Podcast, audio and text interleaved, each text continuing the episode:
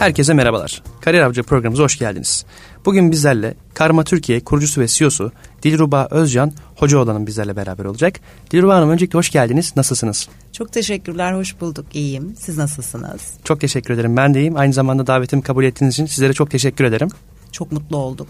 Ee, bir kere böyle birçok genç arkadaşın bu gibi konulara eğilimli olması ve ilgisini çekiyor olması bizleri çok mutlu ediyor. Asıl ben çok teşekkür ederim davetiniz için. Rica ederim. Bugün benim için aslında özel bir yayın olacak. Çünkü aslında bizler de yayınlar, içerikler, podcastler üretiyoruz. Ee, özellikle sizin hayatını incelediğimiz zaman aslında kurumsal hayattan kendi işini kurmaya ya da böyle medya alanına tekrardan bir dönüş yapmaya e, ihtiyaç duymuş ve bu alanla ilgili gerçekten sektöre farklı bir perspektif kazandırmış bir kişiyle konuşuyorum. E, aslında sizin çalışmalarınızı biliyoruz, takip ediyoruz yakından. E, aslında birazdan sizden dinlemek isteriz. Dilruba Özcan Hocaoğlu kimdir? Biraz kendinizden bahsedebilir misiniz? Olur. Ee, bir memur çocuğuyum. Şehir şehir dolaşan bir hayatım var. İlk öğretim başka bir yer, ortaokul başka bir yer, lise başka bir yer gibi her e, memuriyet hayatını yaşayan ailelerin çocukları bu deneyime sahiplerdir böyle. Arkadaş çevresini kurarsınız. Daha tam arkadaş oluyorum derken tayininiz çıkar. Rize doğumluyum. Ülkenin birçok şehrinde yaşama deneyimine sahip olabildim babamın mesleği dolayısıyla. E, Muğla Üniversitesi mezunuyum. Ege'de okudum. E, Ege'yi ve Ege'nin insanını inanılmaz severim bu yüzden. Benim için kalbimde hep böyle başka bir yerdedir. E, ekonomi bölümünden mezunum. E, ayrıca bir e, çift dalım var. O da bankacılık ve sigortacılık. E, işte bu süreçte şehir şehir dolaşırken üniversite hayatım boyunca da aslında medyanın başka kulvarlarında deneyimlemelere sahip oldum. Bu radyo programı oldu. Bazen festival sunuculukları oldu. Ee, sonrasında TV tarafına geçtim. Her radyodan TV'ye geçenin o zaman böyle çok popüler bir moda vardı. Radyo programcısıysanız ve TV tarafına geçmek istiyorsanız önce size... E, işte listeler konusunda deneyimledikleri bir format sundururlardı. Top 20, Top 10 gibi. Aslında klip yayınlardınız, anonsu yapardınız. Orada size biraz bakarlardı. Evet bu iş olup olmayacak. Ama ben de biraz müzikten ve bu şekildeki magazin programlarından ziyade siyasete kaydı.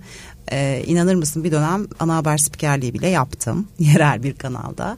Üniversite bitince artık dedim hayır yani iki diplomayla çok uğraştım çünkü biraz da zor bir öğrenciliğim olmuştu. Hem çalışma hayatı hem de bu e, akademik eğitimleri yetiştirme konusunda. Bunların dedim bir bedeli olmalı yani bu bedelden ben de faydalanmalıyım bu kadar emek verdim. E, ve bankacılık kariyerine başladım. E, ne kadar doğruydu orası biraz tartışılır ama finans tarafında deneyim e, sahibi olmak mesela girişim dünyasında beni çok artı bir öne attı. O yüzden iyi ki de diyorum mesela böyle bir yoldan geçerek ardından girişim dünyasına başlamışım. E, 8 yıllık bir kurumsal bankacılık geçmişim var. E, anneyim çok tatlı Lavin adında bir kızım var. E, bu kadar. Dilruba aslında böyle bir şey. E, öncelikle Allah bağışlasın. Enerjiniz hep böyle daim olsun. E, çünkü aslında gelen konuklarımız hep enerjik oluyor ama sizin o ener- geldiğinizden beri enerjiniz işte farklı tavsiyelerle farklı konularla aslında perspektif yaratmanız benim için de çok ayrıca değerli oldu. Çok teşekkür ederim. E, şöyle ben bir şey de ederim. eklemek isterim. Gerçekten e, özellikle şunu görüyorum. Özellikle Hı-hı. CEO'larda ya da kendi markasını yaratmış insanlarda aslında Hı-hı. geçmişte gerçekten güzel çalışmalar var. Şu üniversite hayatında farklı deneyim sahibi olmanız, farklı aslında bölümler okuyarak farklı bir şey yaratmaya çalışmanız, ardından medyada kendinizi keşfetmeye çalışmanız, sonra aslında farklı bir kariyer planı diyebiliriz. Bir yandan da aslında finans sektörüne geçiş yaptınız.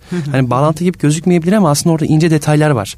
Orada edinenler, edinilen güzel tecrübeler ilerleyen zamanlar şey Karma Türkiye yaratıyor. Evet, aynen. Ee, aslında sorum da bu şekilde olacak. Karma Türkiye'nin çıkış noktası nedir? Neler yapıyorsunuz? Biraz bahsedebilir misiniz? Tabii. Aslında biz e, Türkiye'de henüz dijital yayıncılığın D'si bile konuşulmadığı dönemlerde e, çok fenomen bir radyo programını, çok tutulan bir formatı, e, geleneksel radyo frekans yayıncılığından e, bir gece yarısı diğer kurucu ortağımız Reha Bey. Abla kardeşiz biz bu arada projede. E, Reha Özcan'ın ben bu programı artık web sitesinden yapacağım demesiyle başlayan bir hikaye. E, yıl 2016 bu arada.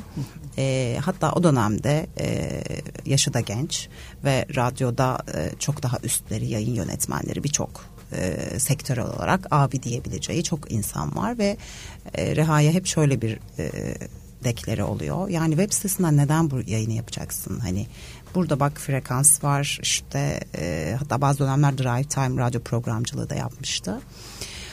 E, o zaman onun için geçerli birçok nedeni olduğu bir dönemdi ve bunu web sitesinden gerçekten yapmaya başladı. Ee, ilk hayatımızda radyo programının adıyla aslında dijital yayıncılık başladı. Biraz bizim farklı bir e, hikayemiz var. E, ardından 2019 yılında Rütük e, dedik ki dijital yayıncılar için de lisanslı olmaları gerekiyor ve bazı uymaları gereken kurallar var. İşte şirketleşmeleri gerekiyor, bazı bu şirketin alt çatısında bulundurmaları gereken çalışan sayısı olması gerekiyor gibi gibi. Aslında karma orada doğdu. 2019 5 Eylül tarihinde kurulan bir anonim şirket. Rütük'ten lisans alarak biz bu işi yapacağız dedik. Radyo programının adıyla devam eden o web sitesi, aplikasyon ve benzeri her şey Karma Türkiye olarak evriliyor oldu. E, çünkü daha genel bir isim yapmamız gerekiyordu artık. E, isim konusunda da böyle çok düşündüğümüz bir süreçti. E, karma felsefesinden yola çıkarak dijital yayıncılığı biz artık RÜTE'ye bağlı lisansımızı alarak yapmak istiyoruz dedik ve Türkiye'de ben bağımsız olarak ilk RÜTÜK lisansını alan kurumum. Zor bir süreç çünkü. E, o dönemde devreye ben girdim aslında. E, benim de o tarihlerde kızımla beraber evde kurumsal hayatı noktaladım ve e, aslında biraz annelik tarafının çok daha ağır bastığı bir dönemde. E, erkek kardeşimin şöyle bir e, durumu oldu. Abla e, yani hani rüte başvuracağız. İşte bir yandan radyo programı çok iyi gidiyor. Bunun e-ticaretini de yapmak istiyoruz biz. Ama ben bu işlerin finans tarafını halledemeyeceğim gerçekten. Bana yardımcı olur musun? Olur dedim. Hadi bakalım yapalım ne yapmamız gerekiyorsa. E, 2019'da lisansımızı aldık ve sadece yine dijital radyo yayıncılığı yaptık. Yani hem web portalından hem de aplikasyondan insanlar bizi dinliyorlardı. 7-24 bir müzik platformu ayrıca da fenomen radyo programlarının olduğu bir platform. Ee, geleneksel medya akışıyla eşdeğer gelir kalemleri olan işte akışa reklam alabileceğiniz ya da radyo programına sponsorluklar bulabileceğiniz bir süreçti. Ee, biraz Reha Bey şeydir bazı konularda çok geleneksel medya deneyiminde çok yoğun olduğu için ulusal medya deneyimde ve çok kıymetli bir deneyimdir bu arada. Yani bu, bu durum inanılmaz kıymetli. Ee, Reha'ya bu işi dijitalleştirdiğimizi ama bunun bir startup olduğunu, bunu bir e, sesli portala çevirebilir miyiz ilk söylediğimde çünkü artık anonim şirket olduk maliyetler arttı yani çok, daha çok, çok para kazanmak zorundayız aslında bakarsan e, bir süre inat etti. Dedi ki hayır yani e, böyle olmamalı. Ben ilk temada böyle çıkmamıştım. Sonra ikna oldu ama. E, dene ama acaba bize startup dünyası konusunda nasıl bakacaklar diye. Çok da güzel baktılar bu arada. Ardından Karma'nın platform halinin temelleri atılıyor oldu aklımızda. E, yol arkadaşlarımız vardı başladığı günden itibaren. Şu an hatta proje koordinatörlüğümüzü de yapıyor Aslı Hanım. E, bir arada nasıl yaparız? İşte kim ne dinler, nasıl dinler? E, kim ne üretir ve nasıl üretir? Aslında bizim dört temel sorumuz vardı. Bu soruyu hala her hafta genel toplantılarımızda kendimize soruyoruz. Bu bizim için çok önemli dört soruydu. Bu dört sorunun cevapları da hem formatı hem teknolojik altyapısını aklınıza gelebilecek aslında her şeyi çıkarıyor oldu. E, kim ne dinler? Evet ama nasıl dinler dinlerken de? İşte kim ne üretir? Bir de nasıl üretir? Bu dört soru, soru ve bu dört sorunun cevapları platformun temellerini oluşturdu. 2022 yılında bir kitle fonlamaya çıktık ve proje fikir aşamasındayken zor bir alan bu arada medyada fikir aşamasındayken ben bu işi yapacağım ve e, bunun için ilk temeller için şu kadar da bir rakama ihtiyacım var demek. Kitle fonlamayı bilmiyorum startup dünyasında belki hakimsinizdir. Evet. 2019'dan beri aslında Türkiye'deki yeni bir sistem yasalar ve altyapılar da çok oturmamış bir durumda. E, ama bir yandan da Türkiye için çok kıymetli bir e, girişim dünyasının ekosistemi için çok önemli bir alan. E, projeye e, kitle fonlama platformunu anlattık. E, bizim kampanyamızı başlatır mısınız dedik ve başlattılar. Mart ayında başlayan kampanya 2022'de Mayıs'ta başarıyla tamamlandı. Ee, Haziran ayı gibi kolları sıvadık. Ardından yazılımcı e, arkadaşlarımıza şu an yine kurucu ortaklarımızdan birisi olarak da Utku'yu e, ve zekayı dahil ederek çünkü bu tarafın çok dijital bir yazılım yükü var. İmkansız yani hani bir tarafta çok sağlam, üçlü bacaklı sağlam olmanız lazım. Onlar da projeyi anlattıktan sonra yollarımız birleşti ve dört ay gibi kısa bir sürede önce sosyal komüniteleri olmayan E, ama canlı yayını olan e, canlı yayının yanı sıra e, insanların profillerini oluşturabildikleri hatta önce üretici profilleri vardı. Yeni bir sesli dünya yaratılıyor oldu. Sadece podcast platformu değiliz böyle her açıdan aslına bakarsanız sesli yeni bir sosyal medyayız. Çünkü insan biz sesli dünyayı bütün düşündük projede e, ve bütün düşündüğümüz için de e, bizim için içerik üreten radyo programcısı da bir üretici profiline sahip olmalıydı. Podcaster da günümüz algısıyla aslında bilinen Podcaster da bir üretici profiline sahip olması gerekiyordu. Ee, ve iç yapım kataloglarımızda yer alan yazarlarımız ve seslendirmenlerimiz de. Ee, üretici ve kullanıcıya dost bir platform oldu. Ee, kullanıcılar da kendi aralarında interaktifliği sağladılar. Mesela sesli içerik dünyasında en büyük sıkıntı buydu interaktiflik e, konuşabiliyorlar. E, radyo dinlerken 7-24 chat yapabiliyorlar. Birbirleriyle tanışabiliyorlar. Bir şeyler önerebiliyorlar. E, üreticilere abone olabiliyorlar. Onlarla etkileşime geçebiliyorlar gibi e, aslına bakarsanız yeni dünya sesli sosyal medyasını platformunu Karma Türkiye olarak e, hayata geçiriyor olduk. Dijital bir internet radyo yayıncılığından bambaşka evrilen ve büyüyen e, global hedefleri olan bir platformuz. Birçok yeni medya alanları bize farklı imkanlar sunuyor ama insanların hem sosyalleşebileceği hem sohbet edebildiği hem de kendini içerikler üretip dinleyebildiği bir alan yoktu.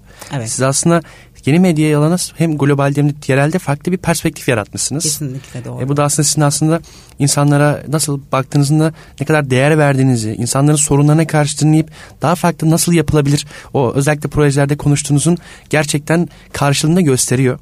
Bu gerçekten sizin işinize ne kadar değer verdiğinizi, işinize ne kadar sahip çıktığınızda bir göstergesi olarak e, dinleyicilerimize sunuyoruz aslında. Aynen yani iş şöyle bence ne iş yapıyorsak yapalım yani sahip çıkmak çok önemli bir şey.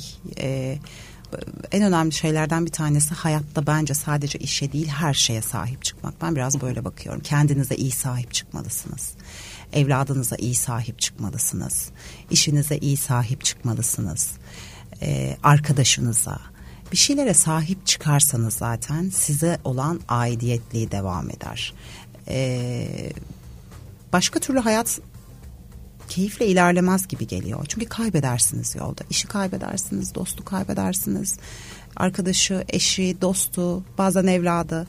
E, bence sadece işe değil hayatta sahip olduğumuz birçok şeye böyle çok sıkı sıkı tutunup sahip çıkarak istiyorsak bu çok önemli. Gerçekten istediğimiz kişi ya da bu eşya bile olabilir bu arada. Benim çok sevdiğim bir kupam vardır mesela. O kadar iyi sahip çıkarım ki pembe bir kupam. Ekip arkadaşlarımın yılbaşı hediyesiydi bu sene yeni yıla girerken. Ee, bir şeylerin eskimesi hatta kullanım konforunun azalması ona sahip çıkmam için e, çıkmamam için benim için bir sebep değil mesela. Yani hani böyle e, bence hayatta sahip çıktıklarımızla varız diye düşünüyorum. Kesinlikle insan olarak sosyal varlığız aslında. E, hayatta maalesef bu koşturmanın devamında bir şeyleri unutabiliyoruz. Hı hı. Ama hayat devam ederken ilerleyen ve geçmişimizin geleceği şekillenerek ilerliyor. Dediğiniz gibi iş dünyasına bakarak aslında iş dünyasına daha katkıda bulunabilecek duygusal işte insani yanımızın geliştirmemiz de gerektiğini düşünüyorum. Buradan aslında ekibinize değineceğim. Ee, iyi bir yönetici olduğunu zaten yapmış olduğunuz işlerde başarılı görüyoruz. Biraz ekibinize nasıl çalışıyorsunuz? Ekibiniz nasıl bir yapı içerisinde? Biraz bunlardan da bahsedebilir Tabii. misiniz? Aslında çok büyük bir platform. Arkasında sanki insan düşünüyor ki çok çok büyük evet. bir sürekli ekip var. Aslında çok büyük bir ekip var. Ee, yolun en başında inananlar var, ortasında dahil olan var. Şu an süreç dahilinde bizde olanlar var. Ee, ofis ekibimiz bizim sekiz kişi daimi e, tam mesai hatta tam mesaiden biraz daha fazla olabilir. Çünkü biz e, artık malum laptopunuzun olduğu her yerde çalışabiliyorsunuz ama ofis dışında da çünkü startup dünyası ve aslında bakarsanız bu işin temposu hep tempolu devam edecek bir alan. Çok keyifli, genç ve dinamik bir ekibimiz var. Ee, en büyük 30 yaşında hatta çoğu 25 ve 6, 20 ve yani yeni mezun olup e, deneyim kazanmak isteyen, e, ışık saçan, ve bu işi yapıp yapamayacağını e, bazı e, denemelerle de öğrendiğimiz insanlarla yor arkadaşlığımız var. E, daimi ekibimiz gerçekten gencecik böyle ofise girdiğiniz zaman ışıl ışıl arkadaşlar. Yeni mezunlar kimi hatta bazıları akademik yüksek lisansa devam ediyor.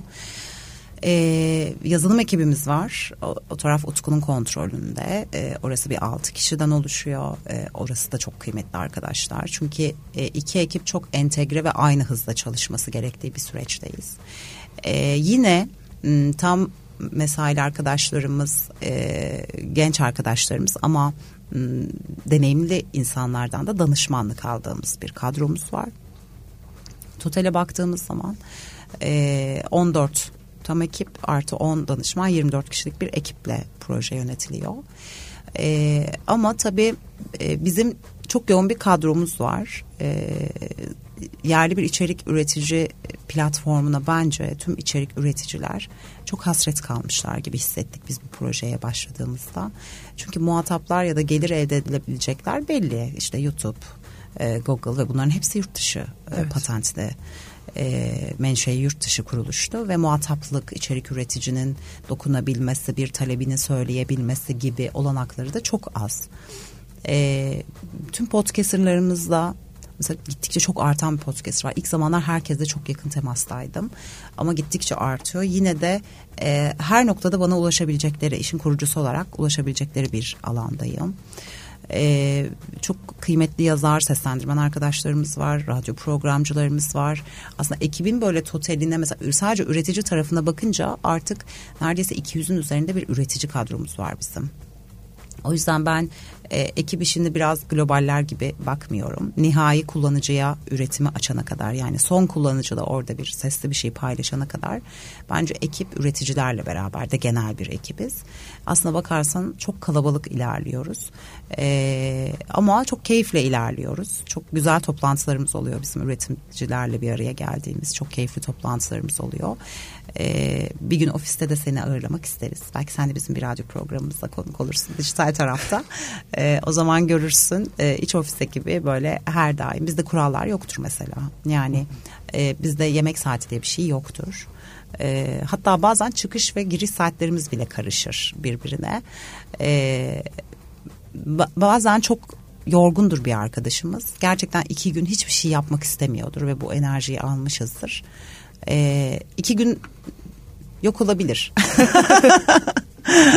Çünkü ekip birbirini çok tamamlayan bir ekip. Yani e, 8 kişi, kişiyiz evet içeride ama birbirimizin e, bildiklerimizi başkasıyla paylaştığımız ve yedekleyebildiğimiz bir süreçteyiz. Ana kalemleri herkesin başkadır. İşte kimi podcaster, kimi e, editördür, e, kimi sosyal medyadır. Ama birbirleriyle meç olmaları da çok hızlı olabilir, entegre olabilir. O yüzden genç ve dinamik ekiple çalışmayı çok seviyorum. Çünkü algı ve öğrenme hızları gerçekten çok hızlı.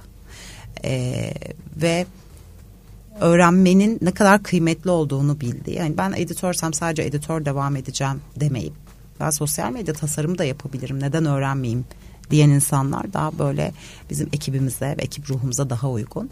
Ee, böyle çok keyifli bir ekibiz biz açıkçası. Çok eğleniyoruz çalışırken gerçekten. Hani molalarımız vardır. Ee, küçük bir bahçemiz var. Çok küçük bu arada. Çok abartılacak bir şekilde değil ama işte kahve içmek için, nefes almak için bize yetiyor. Ee, şöyle zamanlarımız oluyor. Mesela Reha'nın arkadaşlar artık gelir misiniz beş dakika bir sohbet etsek dediği. Hani e, o yüzden çok keyifli bir ekiple e, çalışıyoruz. Zaten bence startupların her şeyi bir insan tek başına hiçbir şeyi asla e, şey yapamaz, başaramaz öyle düşünüyorum. E, onlar ne kadar mutluysa ben o kadar mutlu oluyorum açıkçası. E, şu an için çok keyifli ve güzel bir süreçte devam ediyor. Çok güzel. Dilruba Hanım başarınız daim olsun. Teşekkür ederim. E, gerçekten kısa bir sürede güzel başarı kat etmişsiniz. E, aslında şuradan da şunu görüyorum. Gerçekten ekip ruhunun olduğu yerde, insana değer verildiği yerde hem genel anlamda başarı hem de bireysel başarıyı yakalıyorsunuz. Sizin bunu yakaladığınızı düşünüyorum. Çünkü şundan şunu anlayabiliyorsunuz. Gençlere değer vermeniz bile aslında işe yatırım, insana yatırım hı hı. gibi aslında birçok metotları da yanına getiriyor. Bu gerçekten çok kıymetli. Özellikle birçok genç e, ben de bir mezun adayı olarak aslında gerçekten çalışmak istediğimiz e, şirketler olsun, markalar olsun aslında böyle yerleri hayal ediyoruz. E, böyle yerlerde olduğumuz zaman kendimize ait hissedebildiğimiz, kendimizde değer gördüğümüz yerler olduğu zaman zaten bizlerle çalışma hevesimiz artıp oraya biraz daha değer yaratmaya odaklı hizmetlerimiz olabiliyor. Bu konuda aynı şekilde böyle gençlere yatırım yapmanız, bizleri düşünmeniz ayrıca teşekkür ederiz. Yani şöyle sonuçta bence işin devamlılığı için de böyle bir tercih olmalı. ve çok dijital bir işte üretiyorsunuz. Hatta biz ekiple şunu konuşuyoruz. Mesela lise stajyer birilerini hemen istihdam etmeliyiz. Ee, hemen biz de bir arada olmalı. Çünkü bambaşka bir kuşak geliyor arkadan. Evet. Ve bu işin yeni alıcıları da aslında lise arkadaşlarımızın ilerleyen profilleri. Yani kuşakların ve kuşak akışlarının taleplerini ancak onlardan biriyle takip edebilirsiniz. Onların hızlarını, istediklerini. Ee, o yüzden ben çok seviyorum bu alanı. Tabii ki profesyonel danışmanlarımız var. Biraz önce de söylediğimiz gibi. İşte hukuk alanında var, e, atıyorum mali alanda var, stratejide var gibi. E, bunlar da zaten danışmanlık yolunda sürekli masadayız. Ama neden işleyiş konusunda e, daha canlı kanlı. Bir de enerjiniz de çok yüksek oluyor evet. zaten emin olabilirsiniz. Yani ben e, bu ekiple beraberken hiç yaşlanmayacak olarak düşünüyorum mesela hani açıkçası. E, o yüzden bence önemli e, bireysel başarı e, kurum başarısına dönüşür her zaman için. Ee, bizim için hatta böyle kurum başarısı ve bireysel başarı birbiri arasında meç edilebilecek ya da kıyaslanabilecek bir şey değildir. Hata varsa e, hata bir hata olabilir her zaman olabilir ama hatayı yapan değil ekiptir suçlusu. Çünkü yapan kadar arkasını toparlaması gerekenler de vardır. Bence hatalar da başarılar da paylaşılınca çok daha keyifli hale geliyor. Çok haklısınız Dilruba Hanım. Özellikle bir diğer sorun da bu şekilde olacaktı. Çünkü bireysel gelişim ekibi de etkiliyor. Ekibin aynı şekilde markanın ilerlemesini de etkiliyor. Siz bu konuda özellikle hem bireysel olarak hem de bir Karma Türkiye olarak ilerleyen hedefleriniz nelerdir? Neyi arzuluyorsunuz? Neyi istiyorsunuz hı hı. sektörde? Şöyle çok iddialıyız aslında gerçekten. Bence dekakorn olabilecek bir projeyiz.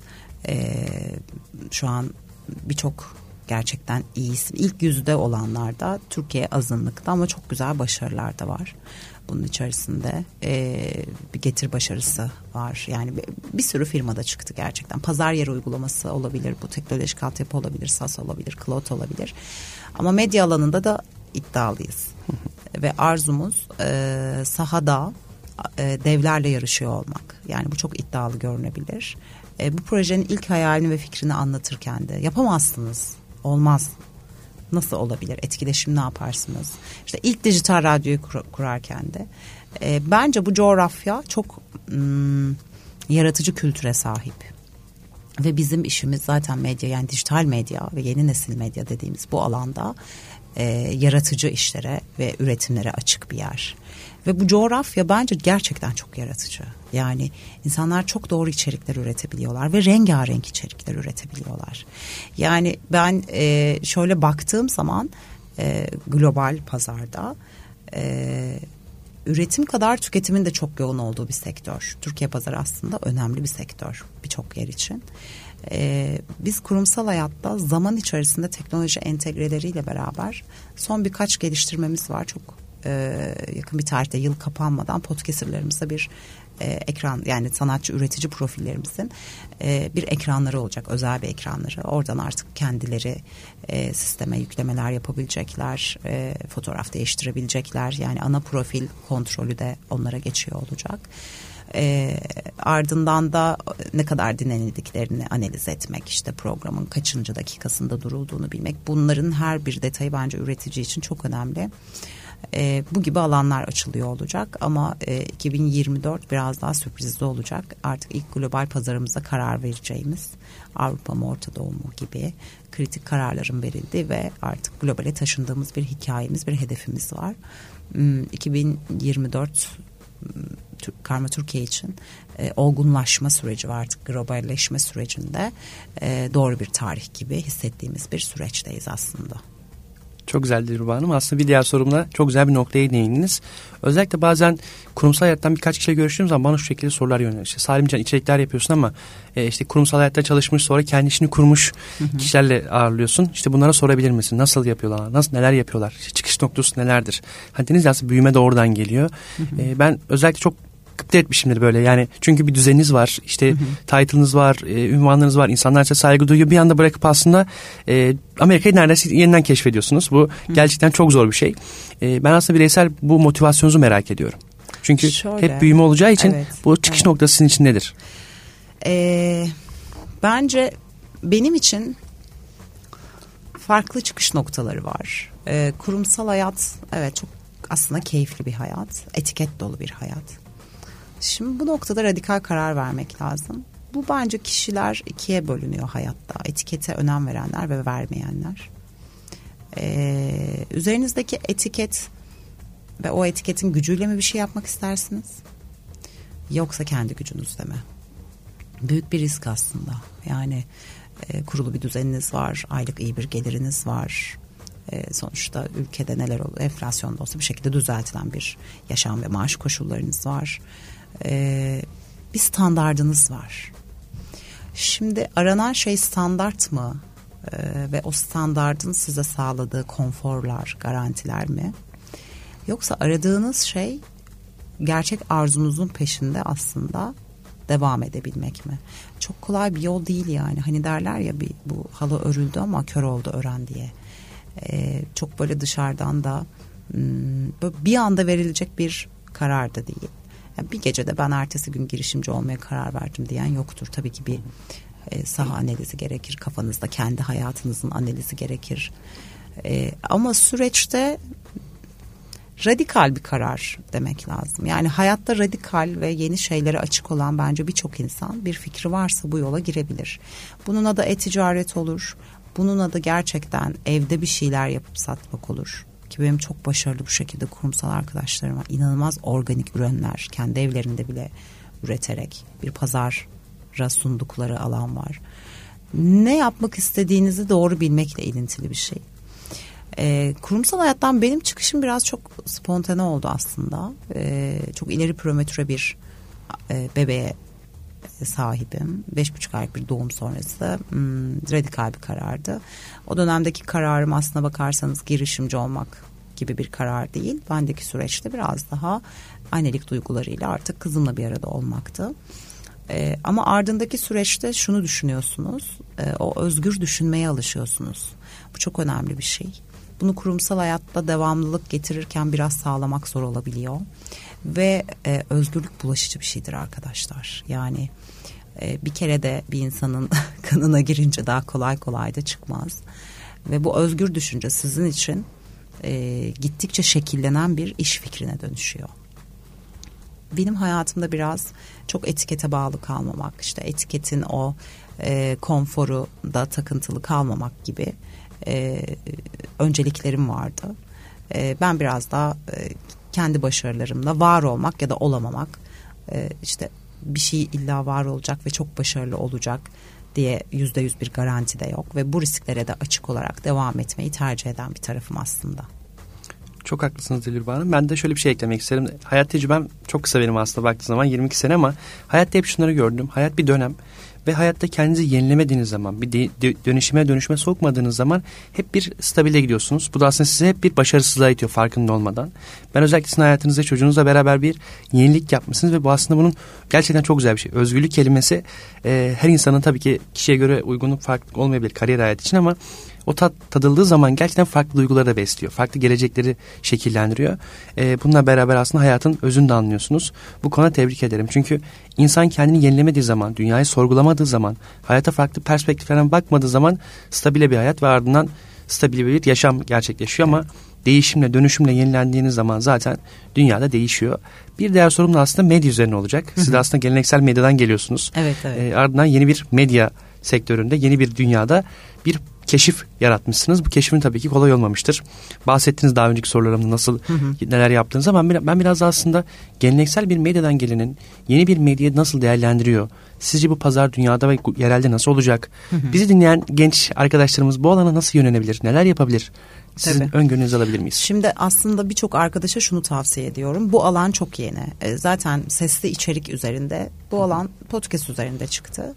E, ve bunu ilk Apple yaptı zaten ardından e, seç dinleme özelliği olan aslına bakarsanız bize en büyük soru Spotify'den ne farkınız var? Diyorum ki Spotify ile alakam yok. Yani evet. tek ortak noktam onun da podcast yayınlıyor olması ve bende de podcast'in olması. Başka hiçbir ortak noktam yok gerçekten. E, ve ardından şöyle bir bakış açısı e, gelişti. Aslına bakarsan tek ortak noktası e, yani podcast tarafı. Onun dışında hiçbir şeyim aynı değil. Hiçbir yolda ortak noktada bir arada değiliz. E, ve biz yeni bir sesli dünya yaratıyor olduk. Yani e, dünya çok değişiyor. Sesli içerik tarafı yeni bir dünya. Henüz 2018'de zaten Amerika'da keşfedilen bir alan. E, ve bu alan henüz infoları yok. Şimdi görüntü çok uzun yıllardır zaten bilinen, var olan işte YouTube gibi farklı sosyal medya platformları gibi hatta bunun içerisinde bence artık Instagram gibi işte TikTok gibi birçok platformu da koyabiliriz. Bu alanlar kendi içlerinde e, infolarını yarattı. Yani fenomenlerini denilebilir. Infoya kötü bir e, kulağa farklı bir kelime geliyorsa ya da içerik üreticilerinde en çok talepkarlarını yarattı. Ama sesli içerik dünyada da yeni keşifte. Mesela Amerika artık bunu oturtuyor ve gerçekten bu noktada info olanları var. Ee, Türkiye'de bu sistem yeni yeni başlıyor. Ve her zaman trendi en başta yakalamak lazım. Mesela YouTube'a ilk video yükleyip üretmeye başlayan insanlar YouTuber oldular. Çok ciddi bir gelir kalemleri oldu. İşte ilk Instagram hesabı açanlar, e, içerikleri farklılaştıranların yine aynı şekilde çok büyük bir e, tanınmışlıkları oldu. E, bundan sadece para kazanmak için değil bu arada yani başka bir kariyeriniz vardır. Bir doktorsunuzdur, bir avukatsınızdır. E, hatta bence bir şirketin kurumsal pazarlama müdürüyseniz de artık bireysel PR dönemindeyiz. Hani bu lütfen kulağınızın bir köşesinde kalsın. Bu çok önemli bir şey. Kamu memuru dahi olsanız bireysel bir PR dönemindesiniz. Yani bir doktorla eskiden sadece markalar PR yapardı, reklam çalışmaları yapardı. Hayır. Artık günümüz o değil. Neden? Çünkü bilgiye çok kolay erişiyoruz. Bir sürü sosyal medya platformu var. E bu kadar şeyin içerisinde kendi PR'ınızı yapmadığınız müddetçe rakiplerinizle yarışmanız da çok zor bir sürece geliyor. Ben bu yüzden yeni içerik üretici arkadaşların lütfen kulağında kalsın istiyorum. Bu alan henüz yeni yeni keşfediliyor. Bu alanda doğal olarak diğerlerinden hatta diğerlerinin belki de çok önüne çıkacak. Çünkü neden? Zamanda artık bir e, insanların kaygısı var. Yani mesela bizim sloganlarımızdan bir tanesi hayatınıza eşlik etmeye geliyoruz. Bu bizim için çok önemli bir slogan.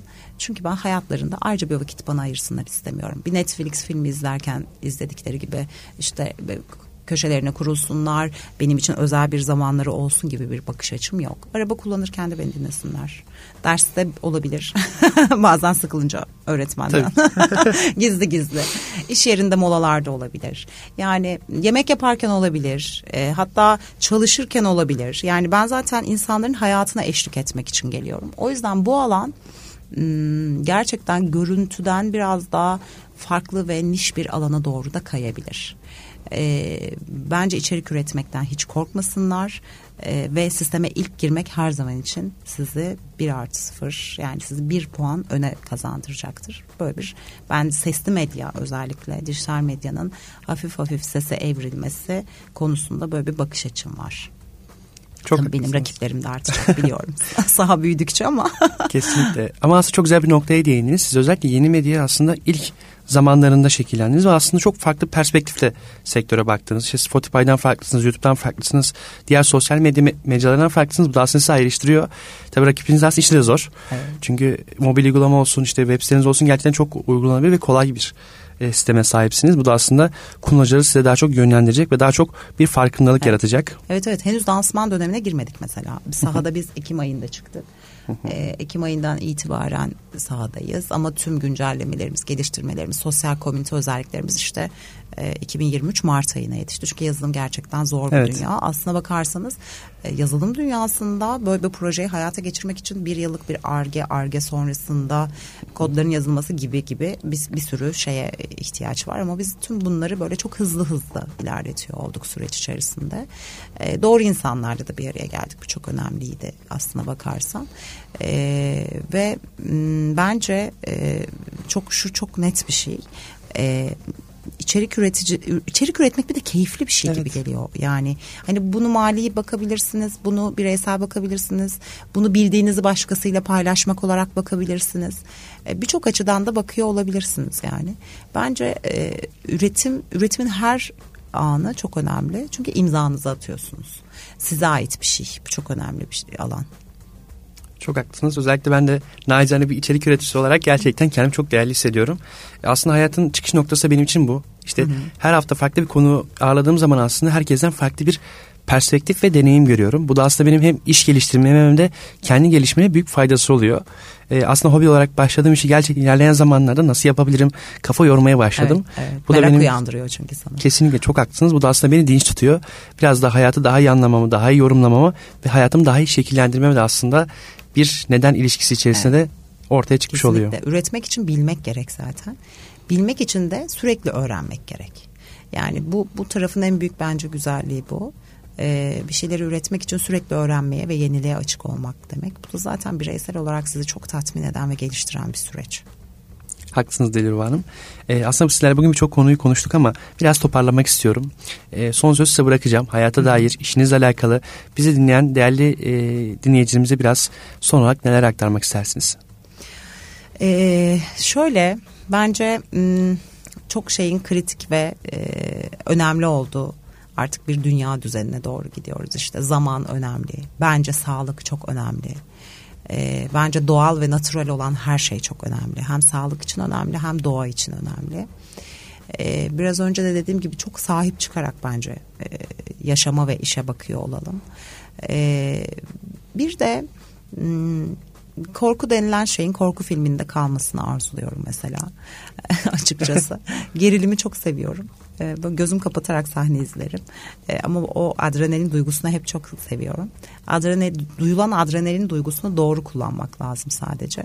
E, ya da e, işte o hormonal yükselişleri bu heyecan olabilir. E, bu öfke olabilir.